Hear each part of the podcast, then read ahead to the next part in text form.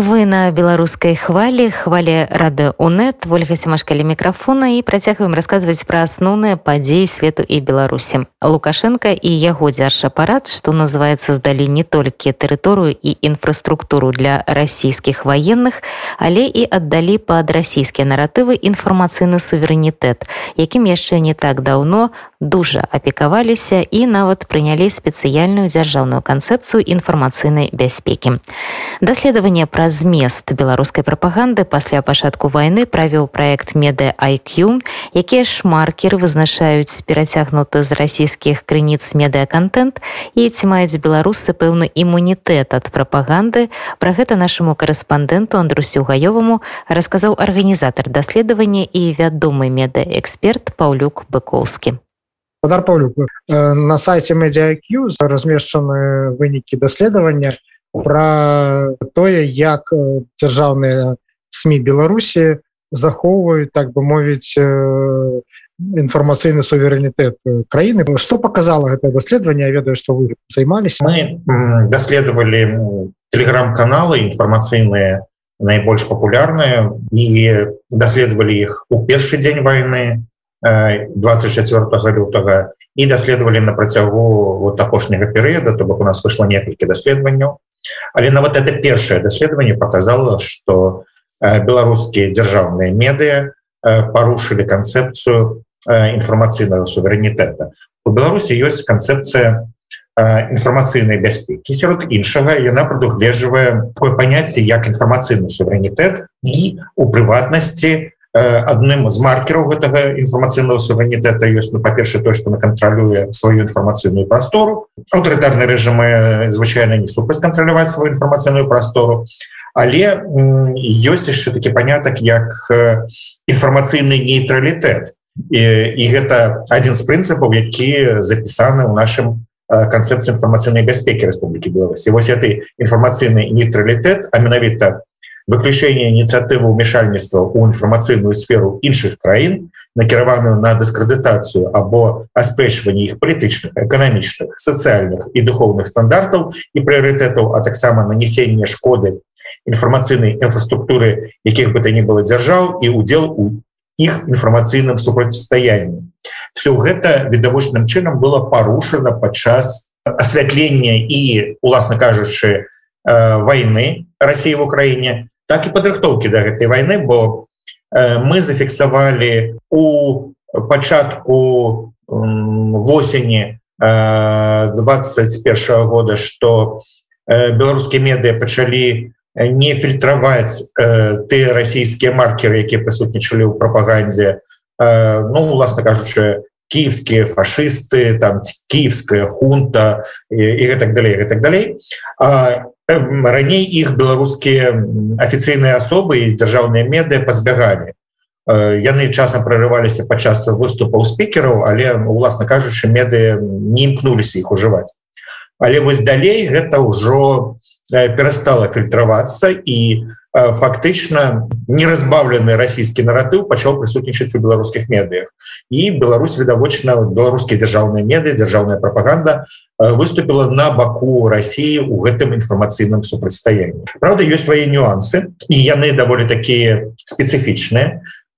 мы зафіксавалі что у тым ліку дзяржаўныя беларускія медыа заменяюць пры выкарыстанні расійскага контента слова спалучэння на Украіне пишутся в Украине у большасці выпадкаў хотя это не вельмі паслядоўна але показывае на наяўнасць такой рэдакцыйнай палітыкі хутчэй за ўсё яна тычыцца старога перыяда бо у Беларусі прынята казаць Молдова не Молдавія і гэтак далей гэта было прынята яшчэ на пачатку беларускага суверэнітэта Вось і яшчэ былі некаторыя асаблівасці звязаныя з тым что в России э, забаронено слово война там уживается спецоперация а в беларуси спикеры принамсі довольно часто уживают слово война и оно не есть забароненным э, видовочно гадоўцы державных телеканалов ну часам кажут спецоперация или часам кажут и война то бок э, есть такие нюансы якія адрозніваюць беларускую і расійскую прапагандысцкія машины у дачыненні гэтай сітуацыі. Але я бы не сказаў что гэтые адрозненні ну такія вельмі вельмі значныя хутчэй такія фармалісцкія. Вы аналізавалі толькі телеграм-каналы ці ўвогуле ўвесь спектр медыя друкаваныя электронные тэлебачанне мае на увазе рад мы э, конкретно для вот этой высновы яна абапіраецца на даследаванне телеграм-каналу даследаванне прапаганды і у розных э, праявах даследаванне э, выканання стандартаў навінных медыа мы рабілі для усяго комплекса того что вы назвали. Іншае пытанне что э, тут гаворка ідзе про телеграм-каналы які я адлюстроўваць менавіта такую інфармацыйную повестку дня і таму яно шмат у чым дублюецца Ну просто не сакрэт что просто телеграм-каналы прасцей даследаваць чым прослухоўваць гадзіны эфира. Яшчэ такое дакладнение телеграм-каналы дзяржаўных медыяў ці ўвогуле телеграм-каналы такія ну якія маюць дачыненне да дзяржавы кшталт там жоўтых сліваў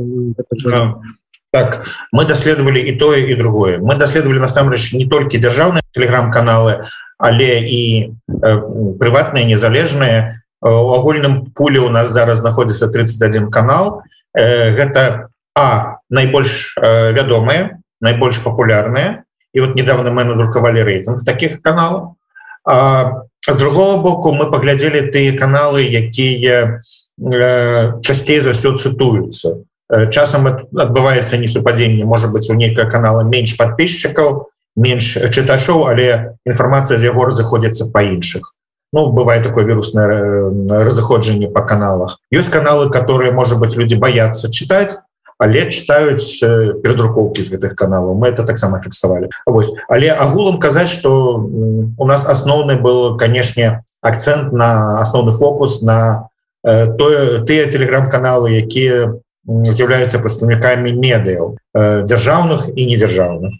Ну і вось вы сказали что там пэўныя маркеры вы знайшлі якія адлюстроўваюць сродкі прапаганды якая распаўсюджваецца праз Росію а сама тэматыка вось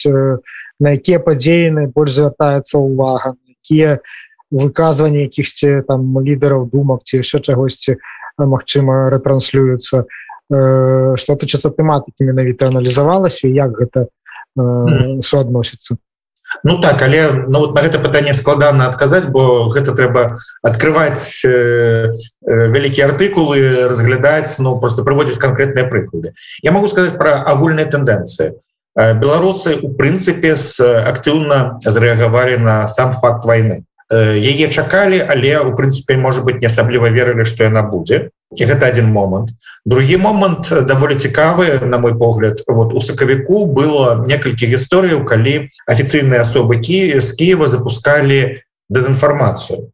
Гэта тычылася абстрэлаў расійскімі вайскоўцамі беларускай тэрыторыі з украінскага боку. Это все адбывалася на фоне візіта лукашэнкі да сустрэчу з пуціным і у прынцыпе ну выглядала як магчымая прычына да удзела беларускіх вайскоўцаў афіцыйнага удзела на у вайне на баку Росіі э, супраць Украіны. По ідэі вось гэта все мусіла іграць як нешта вельмі важное і разысціся як самая важная падзея. Але 11 сакавіка про калі не памыляюсь гэта все адбывалася. Не адбылося ніякага асаблівага усплескай э, разыходжання такой інфармацыі. То бок э, хутчэй за все мы можем но это як гіпоцеза мы не можем сцвярджаць дакладна але я разважаю чаму так адбылося хутчэй за ўсё зашмат фейкаў увогуле ёсць падчас гэтай войны і люди перасталі настолькі актыўна на такія рэчы рэагаваць рэагуюць актыўна на тое что закранае пачуцці на тое что бачылі в буче в мариуполе на гэта рэагавалі і эта інфармацыя была верыфікаваная у тым ліку дзякуючы міжнародным незалежным журналістам якія не ангажаваныя ў гэты канфлікты там она выклікала вялікі давер. Ну і безумоўна біла по эмоцыях. Все астатняе яно безумоўна з'яўляецца у цэнтры увагі але ну не выклікае вот такой моцнай рэакцыі такое такую інфармацыю менш расшаривали менш ее деліліся Ну калі ўсё ж таки вернуться да гэтай канцэпцыі інфармацыйнай бяспекі Беларусі гэта дзяржаўная такая программа так разумею. Это один з аспектаў нацыянальнай бяспекі і вось тое что э, было закладзена у падмурак э, нацыянальнай бяспекі тое что Беларусь не вмешивается у чужие у тым ліку военные конфликты прописано было в концепции информацыйнай бяспекі тым что мы не удзельнічаем на нечым баку у чужих конфликтах. И вот тут мы бачна что удзельнічаем і гэта ну з'яўляецца сведчаннем того что ну адбылася трансформация і хоць на паперы гэтага не адбылося канцэпцыю ніхто не адмяняў і нас ёсць актуальнай. І гэта ёсць документам для дзяржаўных службаў якія прымаюць рашэнне. Тым не менш мы можем паглядзець что дзяржаўныя тэлеканалы дзяржава не заблокавала у той як, як экстрэмісткімі называюць каналы якія ну фактычна выступаюць з іншага боку якія даюць інфармацыю. То тут важное пытанне не тое что она крытыкуе кіроўны рэжым гэта не забаронена у беларусі ну, паводле закона. Яны даюць інфармацыю якую рэжым лічыць небяспечнай для нацыянальнай бяспекі. І вот это вот уже ёсць пэўная супярэчнасць бо не прапісана конкретно э, у канцэпцыі у дадзеным выпадку але ну на практыцы не прапісана дзеянне чыноўнікаў як яны мусяць это все рэгуляваць. І атрымліваецца что барацьба за мир зараз у значнай ступені абмежаваная і забароненая а удзел у чужым канфлікце быў вельмі распаўсюджаны. Але трэба зазначыць что гэта тэндэнцыі пачатку войны калі бліцклік Росіі в Украіне сарваўся калі гэта прыняло зацяжны характар стало зразумела что у сыход войны не ёсць адназначным мякка кажучы то у дзяржаўных медыях з'явились новыя тэндэнцыі і вот зараз мы фіксуем что ёсць моцны акцент на бежанцах с Украины і вяртанне да тезіса того что Беларусь ёсць островком стабільнасці сярод э, такого неустойлівого хаоснага э, свету. Тому у таксама есть пэўная трансформацыя режиму ну, фактычна у нас э, так э, недзяржаўныя меды працуюць за межы Беларусі і не шмат хто в Беларусі можа іх нормально чытаць глядзець тому что гэта трэба нейкі адмысловыя інструменты згодны. І прычым по двух пазіцыях першая пазіцыя что в асноўным за мяжы тут ёсць э, сапраўды і тое і тыя меды якія мусілі з'ехаць але большасць медыяў занялі пазіцыю такой размеркаванай рэдакцыі. Уразлівыя асобы выехалі за мяжу а медыа засталося ў беларусі. І пры гэтым частка журналістаў застаецца ў беларусі. Калі казаць пра тое что беларусам цяжка іх дастаць і прачытаць то у у прынцыпе самое раш вот апошняе наше даследаванне мы рабілі рэйтынг тых каналаў телеграм-каналаў якія больш за ўсё глядзелі якія да якіх была большая актыўнасць насельніцтва это оказались тыя каналы якія прызнаны в беларусі экстрэмісткімі а зусім не дзяржаўныя то бок тут атрымліваецца хутчэй размежаванне по каналах камунікацыі калі казаць про монополію дзяржавы на тэлебачанне то яна ёсць. Тэлебачанне у беларусі кантралюецца рэжымам лукашэнкі. Калі казаць пра друкаваную прэсу то тут ёсць праблема з дыстрыбуцыяй і магчымасцю друкаваць у беларусу для шмат таких выданняў але засталіся выданні у тым ліку в інтэрнэце те ж самая народная воля напрыклад яна застаецца цалкам у беларусі засталіся шмат такі рэгіянальныя выданні але некаторыя з іх змянілі рэдакцыйную палітыку і сталі так больш асцярожна пісаць пра палітычныя праблемы з другого боку той чалавек які хоча знайсці інфармацыю ён можа нават на прызнаныя экстрэмісцкімі ресурсы заходзіць і мы бачым что гэта адбываецца іншае пытанне что ну натуральна тут з'яўляецца бар'ер не кожны ведае як это зрабіць але у жніўні 2020 года літаральна э, за один-два дні у беларусі адбыўся все обыч як карыстацца то калі улады блокавалі інтэрнет Таму я бы так вот фатальна не казал я бы казал что картина стракатая есть люди якія шукаюць і знаходзяць то что падтрымлівае іх меркаванні. І ім здаецца что яны ведаюць праўду. Але паколькі відавочна что режим у нас не популярны і тут можна казаць что большасць беларусаў шукаюць інфармацыю не там дзе рэжым можа кантраляваць это і атрымліваецца что хутчэй за ўсё гэта дае даволі вялікія перспектывы для медыяў якія працуюць не падконтрольныя рэжымам лукашенко але разам з тым это открывае і магчымасці для расійскіх медыя якія з якімі рэжым не змагаецца і якія доступныя тым хто не умее карыстацца всякими впнамі і способамі абыхода блокировок А наколькі наши сМ ретранслююць гэтую расійскую повестку про якую вы казалі на пачатку? Гэта ёсць таксама мы паглядзелі по таким маркеры на Украіне в Украіне ёсць меды якія актыўна займаюцца агрэгацыяй контенты ну то бок бяруць чужое і э, публікуюць даюць сваёй аўдыторыі. Неважно тут гаворка не пра аўтарскія правы а про тое что яны просто карыстаюцца Э, продуктам якіх хутчэй за ўсё зробленыя расійскімі агенствамі тас РИА новости інтерфакс там спутниках и так далей. І вось э, у э, першай крыніцы хутчэй за ўсё было напісанне на Украіне і вось мы можемм паглядзець ёсць меды у якіх